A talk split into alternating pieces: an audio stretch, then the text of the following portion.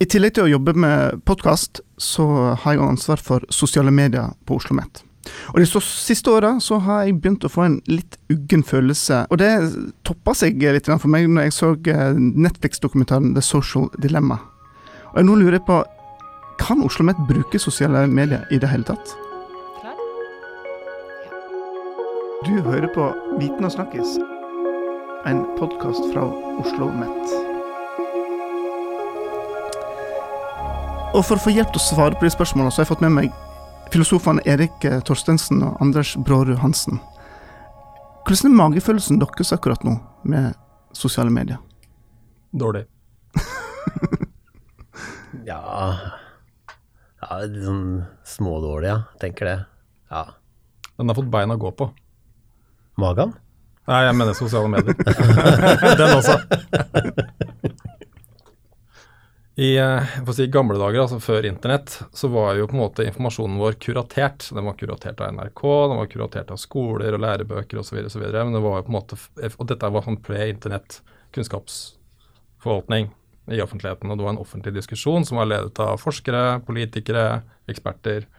Eh, folk som hadde en eller annen grad av seg så fordi de hadde en eller annen kompetanse. Og den kompetansen var på en måte forvalta gjennom at de hadde en eller annen skolering i å se ting fra mange forskjellige, forskjellige perspektiver. Og den kurateringen, det var jo på en måte litt ikke opplyst enevelde, men det er klart at definisjonsmakta satt jo hos NRK, ikke sant? eller TV 2 eller whatever. Men nå har de jo på en måte mista den definisjonsmakta. Og så kan man si at det, det andre perspektivet som nå kanskje har åpna seg opp, eh, som å bruke et eh, ganske ferskt eksempel, er den derre Black Lives Matter. Og der er, Nå skal jeg synse litt, da. For jeg tenker at eh, all ære til, til, at vi har en, en ung befolkning som eh, engasjerer seg i politivold i USA. Men jeg må bare stille et åpent spørsmål. Hva er årsaken til at vi plutselig fikk denne voldsomme interessen for amerikansk politivold i Norge? Hvorfor har vi ikke fokusert på, hvorfor har ikke disse politiske aktivistene vært til stede før og satt agendaen på helt kanskje mer presserende og viktige lokale, nasjonale, europeiske spørsmål? Hvorfor plutselig dette? Og jeg tror jeg skal være litt spekulativ nå. så jeg sier at For å følge opp argumentasjonen i denne dokumentaren, da, så tror jeg at eh, Black Lives Matter, eh, det virale dimensjonen av den, den, den, bølgen som kom i kjølvannet av det drapet Det er klart at noen tjente enten penger på det, eller hadde interesser i at den spredde seg på den måten. For det er klart at så mange tusen norske ungdommer og unge voksne er ikke så politisk aktive. Men de har én ting til felles. De er på Instagram. De er på Facebook. Så det er klart at det handler om trender. Det er trendy og bare plutselig henge seg på noe som alle andre henger seg på. Det var ganske kraftig synsing. det får du si. Nei da, det Jo, men sant, det du peker på, er jo sant, hvordan, du, hvordan politiske debatter eh, eksporteres, eller politiske konflikter eksporteres litt sånn sømløst eh, og kontekstløst fra en setting til en annen. Og det ser man jo også i den der eh, avkolonialiseringsdebatten, såkalte avkolonialiseringsdebatten i akademia også, at den, man henter Og det derre no platforming-kjøret, at det importeres direkte til Norge, og det liksom presenteres som om det er et problem i Norge. Kanskje det er et problem i Norge, kanskje ikke. Men man kunne jo undersøke først. ikke sant? Før man setter i gang med de store aksjonene, og før man liksom hauser opp til å si at uh, verden kommer til å gå under hvis vi ikke får, uh, får uh, bukt med dette platform, no platform, kolonialisering, uh, linnébenker, avkolonialisering. bråket. Sånn, mm. dette, det bare spinner ut, ikke sant. og hvordan er det det spinner ut? Det er jo ikke sant, det er det interessante her, da. Mm. At du at du sitter og du har liksom visse politiske oppfatninger. Når du er på sosiale medier, så, så har du, er blitt laget en profil av deg. Og så blir du fòret inn med en del sånne andre tilstøtende emner. Eh, men når du sier Black Lives Matter, så, så kjenner jeg at liksom da, da våkner liksom motstanden i meg noe mer, da. Eh, for hvis vi går til den Social Dilemma-filmen, så har de jo en sånn uh, utrolig parodisk uh, ekstremistorganisasjon som heter Senterekstremismen. som vi jo alle sammen husker fra ulike norske humorprogrammer om uh, sentrumsekstremisten. Så den faller jo liksom Den burde jo liksom falle død til jorden her i Norge, men det gjør den ikke, ikke sant? fordi at vi har vi har liksom de referanserammene som, som den filmen gir, og som er skapt av sosiale medier.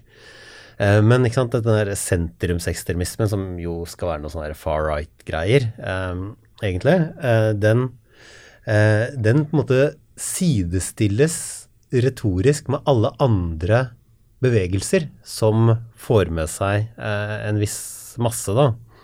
Uansett på en måte sannhetsgehalten eller den politisk-moralske verdien av opprøret. Og jeg vil si at Black Lives Matter er jo liksom av en helt annen sort eh, moralsk, politisk, har liksom en fullstendig annen legitimitet enn det liksom alt-right i USA skal ha. Sånn at, eh, og det er også litt av problemet i dette universet. ikke sant? Det finnes jo liksom ikke noe forskjell på rett og galt. Disse algoritmene kan jo ikke liksom sant, usant, rett, galt. De bare spyr ut liksom det de tror du skal se, og så så lager den der teite filmen eh, en sånn fryktelig fortelling om at liksom radikalisering eh, skjer. Og det kan da brukes liksom siden det er denne sentrumsekstremismen, så, så, har de jo satt det liksom midt imellom høyre og venstre, og dermed retorisk sagt at eh, det foregår på begge sider. Ja, jeg tror det er et veldig godt poeng eh, der, men jeg, jeg liker jo å være spekulativ, da, så skal jeg prøve å være bad cop i diskusjonen. Og så kan jeg godt si at uh, vi er jo alle enige om at uh, den dokumentaren uh, har et veldig sånn Ja. Uh, den, den, er nok uh, den, den, bærer nok preg av den samme type dynamikk som det den prøver å kritisere. Den skaper jo en del sånn fairmongering og er ganske unyansert. ikke sant? Den setter på en måte opp en sånn, en sånn tech-forvalta virkelighet som vi på en måte er sånne passive mottakere av. Vi er, vi er droner i et stort sånn datamining-prosjekt for de store tech-selskapene. Eh, men, men, ok, hvis du tar noen, altså noen argumentene i, eh, eller poengene eh, i den dokumentaren på, på, litt på alvor, så tror jeg at det med, med definisjonsmakt og, og, og, politikk i USA spiller en mye større rolle. Og eksporterer en del av de dynamikkene over til Europa og til den tredje verden, som f.eks. i Myanmar, da, som, som, var et godt eksempel. Mm. Hvor hva, hva, skjer når, når Facebook blir den dominerende informasjonskilden til, til det blir en påfolkning eh, som skjer i en del i Øst-Europa og i Asia. Filippinene ble trukket fram, hvor det politiske uro kommer eh, primært eh, forvolta eller mediert gjennom sosiale medier. og det andre er jo at hvem er det som tjener penger på det? Jo, det er jo de sosiale mediene. Eh, det er klart at Hvorfor oppstår en sånn type dynamikk eh, og en sånn forretningsmodell i USA? Jo, det er fordi at før sosiale medier så var det jo klart at eh, det har vært en polarisering lenge i USA. Eh, den har, ikke, den har fått beina å gå på gjennom sosiale medier. Men forretningsmodellen til Apple og Facebook og Microsoft og Twitter og eh, alle sammen, eh, den, den, vokser jo på bakgrunn av å eh, skape og opprettholde den eh, polariseringen nettopp fordi at de som sitter med makta, og pengene særlig, da, de er jo ikke med i denne politiske debatten, men de tjener penger på den. Mm. Da sier vel egentlig Suboff at Apple er snillere enn de andre, da. At Apple tjener ikke pengene på akkurat samme måten som uh, med akkurat samme måten så betyr det at de tjener ikke penger på å, på å selge kundene sine, på en måte. De tjener penger på å selge produkter mer enn sånn at vi kan prøve å holde de litt utafor. Ja. Ja, det er sant. Ja. Eh, det er, og Microsoft også har jo på en måte prøvd å være flinkest i klassen i forhold til å bli etisk osv. Mm. Jeg var senest i, i, vinter på en sånn etikkonferanse som var eh, arrangert av Microsoft Norge. Eh, det er mange viktige og gode prosesser som skjer internt i disse store selskapene også. så De sitter jo ikke her sånne Darth Vadere som sitter og eller, sånn, det, det er jo ikke sånn Matrix-narrativ her, hvor de sitter og på en måte lager en sånn derre eh, milliarder av plebianere som sitter og forvalter en, en totalt eh, generert virkelighet som de sitter og tjener penger på. Det er jo det som blir problemet med den dokumentaren. Ja. Men jeg tror at det som er interessant med, med, med dokumentaren, den viser jo Den viser ikke egentlig, unnskyld, den, den trekker ikke fram de politiske og den, den politiske fundamentet som nyliberalismen i USA eh, bærer preg av. Mm. Og, og, og, og, sånn sett så vil jeg jo påstå at det er ikke nødvendigvis sånn at det er alt-right eller alt eller extreme center eller hva rakkeren som, eh, som, sitter og er problemet. Det er jo at de som sitter med veldig mye av makta til å kunne gjøre noe med disse tingene, de definerer seg sjøl som, som altså political left. De er jo de som sitter i CEO, posisjoner i de store selskapene, veldig mange av de. Mm. Og Det syns jeg er et uh, ganske grelt eksempel på hvor galt det kan gå. Hvis ikke du får en form for regulering og en sånn governance-struktur som tar vare på og er mye mer i framkant da, ja, og prøver å regulere hvordan disse tekstselskapene har fått total definisjonsmakt. Det er interessant med den Social Dilemma-filmen at uh, det er først når rulletekstene kommer at de begynner å snakke om regulering. Ja. Det er jo helt ko-ko. Sånn her, man sitter liksom Ok, men skal de ikke snart si at noen må gjøre noe med dette her?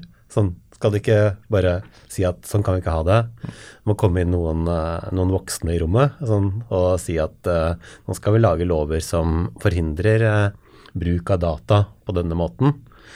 Men nei da, det kommer liksom på, med rulletekstene. Det er jo helt liksom alle sammen har slått av eller skippa til neste Skippa over, over, til en eller annen binge-serie.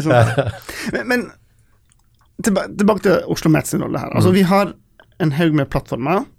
Der, altså, vi kan sikkert diskutere i mange timer fordeler og bakdeler her, men det er ikke tvil om at dette er plattformer som er gratis å bruke. De tjener sine penger på reklame. Og for å få folk til å se reklame, så må de være på plattformen her. Så målet deres er at vi skal få sett mest mulig reklame på den tiden vi er der. Og så kan vi diskutere om hva som kommer først og sist her, men, men er liksom, vi er enige om at det er utgangspunktet. Ja. Og så har vi en del problemstillinger som, som, kan, som, som er litt usikre her, men, men altså, vi har misinformasjon, vi, vi har Eh, distraksjon. Vi diskuterte mobbing, eh, avhengighet, polarisering, altså, og, og, og, så masse sånne ting. Og så er det da Oslo Met sin rolle oppi dette her. Vi er et universitet som holder på med kunnskap. Eh, er det innafor at vi utnytter disse plattformene her for å få ut vår eh, forskning der, eller møter vi oss sjøl i døra en eller annen plass her? Jo, det er jo helt åpenbart at du har møtt deg selv i døra. Det, det, det, Kraftig. Det, hører vi jo. Men uh, hvorfor har du møtt deg selv i døra? Jeg blir usikker på om det er innenfor at vi Altså, vi har jo ikke kontroll. Og så er jo den er jo Facebook sikkert superhappy når vi, Oslo Met, deler vår fantastiske kunnskap der, for det, det bygger jo opp deres troverdighet. De kan peke på at her har vi et universitet med forskere som utnytter, altså bruker vår plattform her, og da kan vi selge enda mer reklame for mm, biler. Til den og, eh, målgruppen. Til den målgruppen. Ja. Så vi gir jo bare Facebook mer gode argument for å selge reklame. Et aspekt av den, eh, den ganske sammensatte debatten, det handler jo veldig mye om, om utdannings- og forskningsinstitusjoners samfunnsansvar og hva slags type eksempelets makt da, som ligger i hvordan vi er til stede eh, i den offentlige debatten og gjør oss eh, til kjenne. Eh, og da handler det veldig mye om å på en måte, sånn som dere gjør, da, løfte fram nyheter, saker som blir produsert via eller på vegne av eh, forskere eller ansatte på Oslo OsloMet. Eh, det som, for å bruke et spesifikt eksempel, da, forskningsjournalistikk. Jeg vil jo nok en gang bli litt spekulativ, og så kan jeg si at forskningsjournalistikken i Norge er dårlig. Den har i hvert fall vært dårlig. Eh, og mye av eh, kvaliteten i forskningsjournalistikken har blitt dårligere pga. sosiale medier. Og fordi at det handler om kliks og clickbait. Eh, og da betyr det at de, de mest sexy sakene, i anførselstegn, får jo beina å gå på. Mens de litt mer sammensatte, litt mer, ikke litt døllere sakene, som kanskje egentlig er viktigere å debattere, de får jo ikke noe særlig oppmerksomhet, og de blir heller ikke delt. Og da blir det plutselig ikke det man promoterer. Og så får du også en sånn ekkokammereffekt internt i institusjonene. ikke sant? Hva, det, hva, slags type forskning er det vi løfter fram? Hva er det som får oppmerksomhet? Når blir en forsker invitert inn på Debatt21?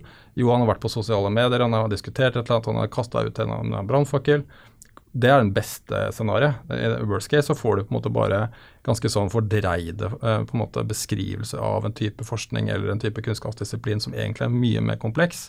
Men da krever du en langsommere, mer sammensatt måte å diskutere problemet på. Ok, Men hva skal man gjøre, da? Hvor skal man begynne? Eh, skal man begynne å slutte å bruke sosiale medier, eller skal man tenke seg om eh, hvordan er det vi som eh, utdanningsinstitusjoner, hvordan er det vi som forskningsinstitusjoner eh, ser på det å skulle rekruttere, ser på det å skulle formidle. Eh, skal vi trøkke ut det som er sexy og kult og treffer tidsånden? Eller skal vi ta det litt treigere og Nei, det var ikke noe funn der, gitt. forskningsprosjektet som gikk litt sånn skeivt ut. Eh, skal vi ha en sånn god gammeldags informasjon om at liksom dette her, eh, dette studiet Du får eh, 380 000 i lønn det første året, 420 etter tre år. Er det den type info man skal ha, eller skal man liksom si at liksom uh, Oslo som studentby scorer uh, 8,3 av 10 og er bedre enn Bergen og Trondheim, men kanskje litt dårligere enn Tromsø. Liksom, sånn hva er det man skal ut med? Mm. Hvis man skal ut med liksom det enkle budskapet, så er sosiale medier helt perfekt. Vi har på en måte ikke noe eh, bevissthet og heller ikke noe rammeverk rundt hvordan eh, akademisk kunnskap blir forvalta i sosiale medier. Ja. Og det tror jeg vi på en måte som Oslo OsloMet som samfunnsaktør burde ha. Og Det handler om å lære forskerne våre å eh, tenke hvordan de opererer på sosiale medier. Det handler også like mye om hvordan fagfeltene våre bør interessere seg for å være med i en debatt som ubehagelig nok er på sosiale medier. Mm. Så kan man godt si skal vi ta skrittet ut? Skal vi ta fullstendig avstand fra det, eller skal vi være med på det? Det er jo et åpent spørsmål som ikke jeg egentlig er enig med meg sjøl om. Mm. Dilemmaet her er jo La oss ta eksempelet eh, en konferanse. En tradisjonell konferanse som dere forskere ofte er med på. De streamer vi vi har lyst til at det skal være enkelt tilgjengelig, spesielt nå i koronatider. At flest mulig skal få anledning til å høre framleggelsen av funn, artikler eller hva det er. Så da velger vi å streame det, og i dag bruker vi da YouTube som streamingplattform for våre konferanser. På den måten så er det enkelt, billig, og vi har størst sjanse for å nå flest mulig der. Problemet er at YouTube skyter reklame i hytte og gevær. Og på høyre side der, hvis du sitter og følger en uh, forskningskonferanse fra Oslo OsloMet, så står det relaterte videoer, eller du burde også se på denne her, som vi har null kontroll på. Hvordan skal vi tenke dette dilemmaet her, når vi skal ta våre valg? Nei, man skal jo slutte å bruke YouTube. Det, det er konklusjonen, bare. Og så kan vi ta argumentet eh, etterpå. Eh, for argumentet er jo rett og slett at eh, det finnes jo, um, det finnes jo bedrifter som lever av strømmetjenester. Som lever seriøst av å formidle kunnskap mellom mennesker. Uh, og de har jo de, de har jo ansatte, og de har en kompetanse, og de bestreber seg så godt de bare kan uh, på å liksom, sørge for at liksom, budskap når gjennom hele kanalen uten forstyrrelser. Så har man opp mot det, så har man det reklamefinansierte alternativene, YouTube. Uh, hvor du bare sier at ok, her, har her, har, her gir Oslo Met masse mennesker som kan komme og se på all reklamen deres og klikke seg videre rundt omkring. Eh, mens de Eller istedenfor å se på konferanse. Noen ganger, sikkert.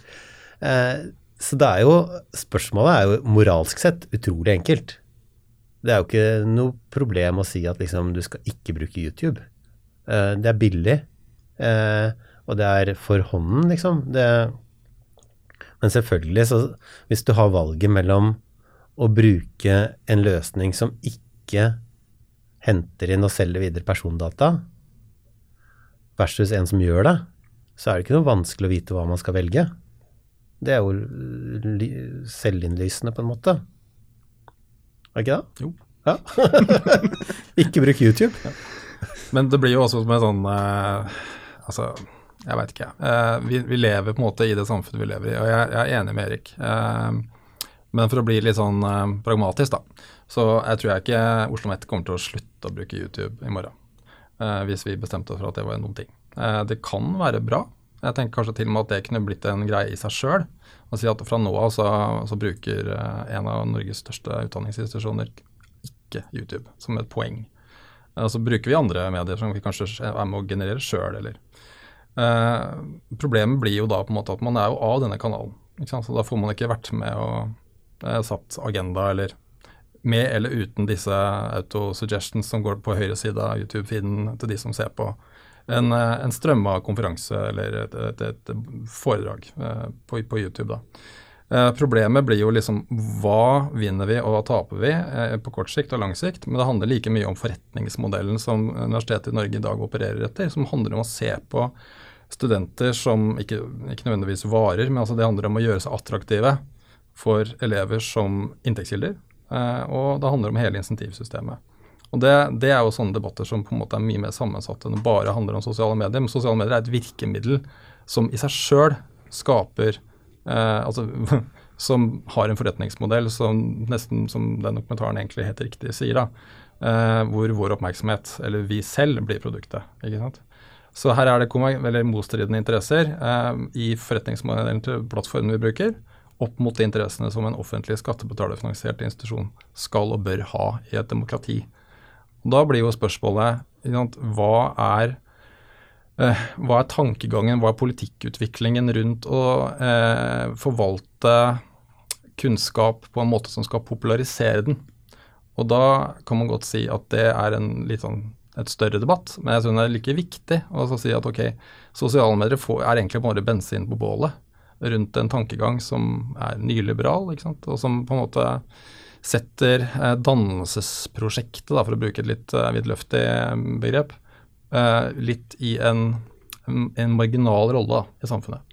For du får aldri den sammensatte, nyanserte, litt dølle, kjedelige, komplekse, geekete um, akademia-diskusjonen ut uten at du mister veldig, veldig mange på veien. ikke sant? Mm.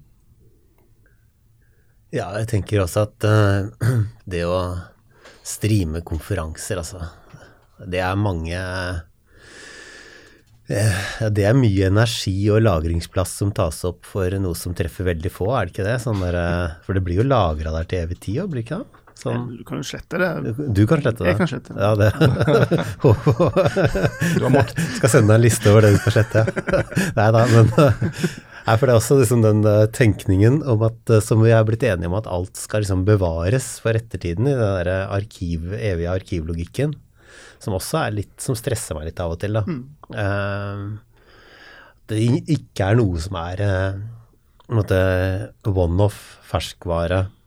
Alt skal liksom tas vare på. Og det er en litt annen greie enn sånn nyliberal logikk. Det er en sånn veldig konservativt tenkende liksom at nå skal vi bare akkumulere all kunnskapen i verden, eh, og så skal det gå bra, nesten. Sånn, jeg, jeg skjønner ikke helt hvorfor man gjør det.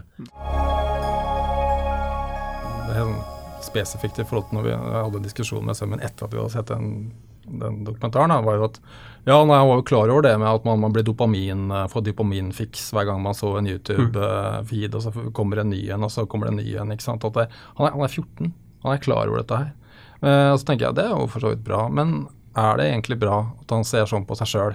For det endrer jo også eh, unge, nye borgere av et sosialdemokrati eh, sitt syn på seg selv. Altså, ikke mm, ja.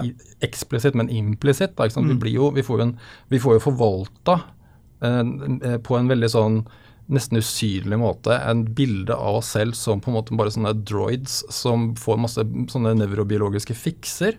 Og så er, har jo disse store selskapene ansatt horder med atferdspsykologer eh, og kognitive psykologer som også har dette reduktive bildet, stimulus-respons-bildet, eh, av, av, sine kunder. Ikke sant? Eller ikke kunder, vi er jo nesten produktet. Mm. Eh, og hva gjør det med hvordan vi ser på oss sjøl? Er vi bare, på en måte, bare en sånn biologisk masse som går rundt og er på en måte bare tapped into the information mainstream highway, og så er det det vi er, da? Er vi, er vi ikke mer? Det handler jo om mye større spørsmål. Uh, og Det er også en debatt som jeg syns er helt fraværende. At uh, ok, Vi må kanskje komme med noen alternative måter å diskutere dette her med, ikke bare innenfor akademia, men også i samfunnet generelt. da.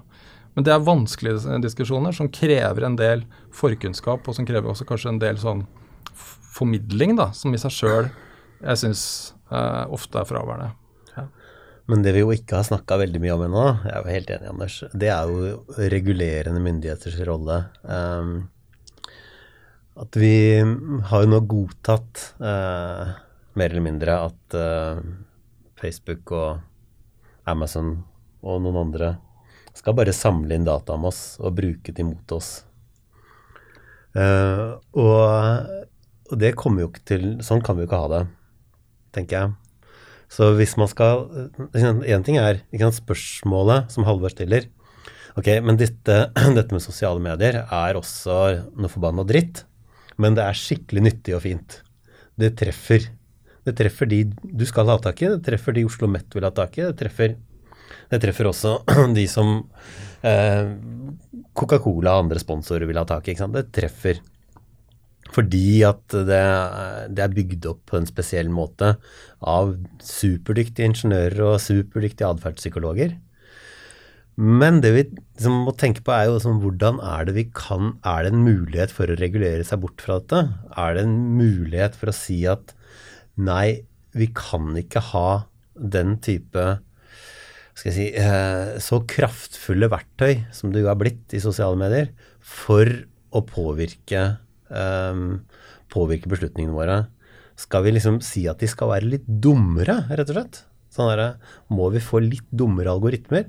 Skal vi ha liksom sånn IQ-test? Du kan ikke, kan ikke, ha mer enn 13 IQ hvis det skal være algoritme i det offentlige rom. Eh, når det kommer til å spre reklame og sånt noe. Det tror jeg ikke. Men det handler om å prøve å, å si ganske tydelig som lovgiver hva det er eh, man kan bruke data som er samlet inn om en person, for å få for å endre den personens atferdsmønster. Fatte beslutninger som vedrører den personen. Og det toget tror jeg ikke har gått helt, da. Det er vanskelig, men jeg kan ikke se liksom noen annen løsning på liksom mellomlang lang sikt enn at du forsøker å si noe om hva som er eh, legitim og illegitim bruk av eh, så kraftige dataverktøy. Mm. Men, men du sier det toget ikke gått ennå, men problemet er vel at toget går så ufattelig sakte. Eh, at, at, at, altså, ja, vi skulle alle ønske at det kom reguleringer og ting på plass her for å ha kontroll, men det virker jo ikke som politikere og de som bestemmer klarer å henge med og gjøre dette kjapt nok. Altså, endelig kom GDPR, og vi kan jo si at GDPR har gjort er i ferd med å hjelpe til på en del ting, men den kom jo lovlig seint. Det hadde blitt samla inn en god del data på et tvilsomt grunnlag før eh, GDPR endelig kom på plass, og den trenger fortsatt en del år for å, å funke. Ja, og ikke for å være for dystopisk, men eh, ja, jeg, jeg, jobber litt på AI-laben her på huset og fått, eh, jeg har fått litt sånn på en måte ja, jeg er jo som en uh, logrende labrador som skjønner sånn ca. 1% av hva som skjer oppå sjappa der. Men uh, jeg skjønner nok til at uh, GDPR er i ferd med å bli utdatert allerede. Ja, ikke sant. Mm. Alle de mikrosporene som jo blir brukt imot oss, og som det genereres liksom, modeller av, av oss, og, som ikke har noe med personopplysninger å gjøre, men som har med oppførsels karakteristika, da, hva skal jeg si. Prediksjoner og atferd. Mm, ja. det, det, som, som, som, det, er de mest interessante poengene i den dokumentaren, faktisk, mm. som sier at Jeg husker ikke hva hun het, hun var emeritus på Harvard. Syboff, ja. ja Syboff. Uh, hun snakka om at uh, det disse store tekstselskapene selger, det er jo framtider. Ja. Og Det er prediksjon, men det hun ikke sa, og som jeg syns er vel så viktig, å si at hva slags type framtid er det de selger? Det er jo ikke vår på en måte subjektive framtid, men det er predik den prediktive eh, kraften i ny eh, maskinlæring som lager ganske presise prediksjoner på vår atferd, basert mm. på den informasjonen vi blir gitt. Mm. Mm. Og Det som er interessant da, er jo diskusjonen rundt hvordan disse algoritmene blir designa. Hvordan regulerende myndigheter forstår for fryktelig lite av eh, implikasjonene av eh, algoritmer og de algoritmiske systemene, som i hvert fall er minst to veldig veldig forskjellige systemer. Det ene er den der symbolske Eh, AI, altså symbolske algoritmene som bygger opp på svart-hvit, ikke sant, kvinne, mann. Er du, er du uh, En implisitt på en måte normativ dimensjon av en sånn symbolsk algoritme er f.eks. at en sykepleier er en kvinne. Mm. Det er en, en, en sånn, sånn, heuristisk regel mm. som er jo selvfølgelig falsk. Alle algoritmer er jo biased. Uh, alle algoritmer er jo uh, måte, meninger kodifisert. Det syns jeg er en debatt som vi i akademia bør ha, vi burde ha den kontinuerlig. At vi lever i en tid hvor vi ikke er klar over at, vi, at virkeligheten vår har snudd. Altså all type kunnskapsformidling gjennom internett har jo nesten de facto blitt sånn at det er ikke objektiv sannhet i sin kjerne, altså er det verdigrunnlaget rundt. Det er invertert. Det er normer og verdier i bånn som genererer og strukturerer og designer disse Ja, ja. eh, algoritmene. Ikke nødvendigvis bevisst engang. Det sitter en hærskare med dataingeniører som har en masse antakelser om hvordan en algoritme objektivt i anførselstegn skal se ut. Og så får det bein å gå på når det blir satt inn i en sånn artificial neural network, hvor de selv ikke engang vet utfallet av en prediksjon. For den er så kompleks. Det er umulig å vite. Det er et svart høl, ikke sant. En svart boks. Men, men jeg vil dra litt tilbake. Dette med ansvar. Altså, mens vi venter på at regulerende myndighet uh, får fingeren ut her og, og får gjort et eller annet her. Hvem har ansvaret? Altså, vi, vi sitter Nei, det er her og vi, Det er du. Jeg, har, jeg, jeg vil ikke ha ansvar. Jeg liker ikke ansvar. Filler'n. Det var det svaret jeg ikke ville ha. Ja, vi bare jobber her, vi. Det er du som har Ja, ansvaret. Ja. Det tror jeg. Nei, men vi, vi, vi, vi, vi, vi, vi Oslo Met har konto på Instagram. Vi inviterer potensielle studenter inn for å se, se hvor fint vi har det her. Sånn er livet som student på Oslo Met. Sånn fungerer eksamen på Oslo Met. Sånn kobler du deg på wifien på Jo, jo, Oslo Met. men det som er viktig Har vi ansvar for å trekke disse inn i dette universet der, eller er det den personen som sier ja, jeg tror jeg blir med på Instagram-kontoen her, og, og, eller med på Instagram og følger dere her. Eh, Hvor mye ansvar skal vi ta? Mye. Altså, Mye ansvar. Mye ansvar, ja. Eh, Og eh, fordi er det én ting som er henta klart, det er at Instagram tar ikke ansvar. Eh, Og de sier at de gjør det de kan, Eh, men de tar ikke ansvar. Fordi de tjener penger på det. Og de har alt å miste. Altså, Det er jo det som er hele poenget. Hvem er det som har på en måte stakes in the game, og som har noe å miste på at man eh, ikke tar ansvar? Det er jo vi. Vi har noe å miste på det. Altså Det er jo det kunnskaps- øh, og forskningsinstitusjonene i frie, demokratiske land som mister eh, på en måte say-so og, og myndighet og legitimitet på at ikke vi tar det ansvaret som ingen andre kommer til å ta, for de tjener ikke penger på å ta det ansvaret. I det øyeblikket vi får regulerende myndigheter på banen tidsnok og er oppdatert nok, så kanskje de kan være med og hjelpe til og et slags fellesansvar, men det ansvaret definitivt ligger hos de som har noen mulighet for å kunne sette den agendaen på, på, eh, sette agendaen uten å nødvendigvis skulle eh, måtte miste inntekter på det, eller ja, kanskje vi mister Jo, inntekter. men hvis, hvis Oslo Met eh, ser for seg at de på en måte tjener på bruk av sosiale medier på et eller annet vis, om det er bedre studenter eller finere gjennomføring eller noe sånt noe, så selvfølgelig er det, og, kommer det også et ansvar med, med det at man tjener på noe. Det må det jo være. Det er jo veldig grunnleggende. Men samtidig så er det liksom en forskjell her mellom eh, jeg tror ikke det er Oslo Met sin skyld. ikke sant? Det er ikke Oslo Met sin skyld at disse dataene blir hentet inn. Det er viktig å si.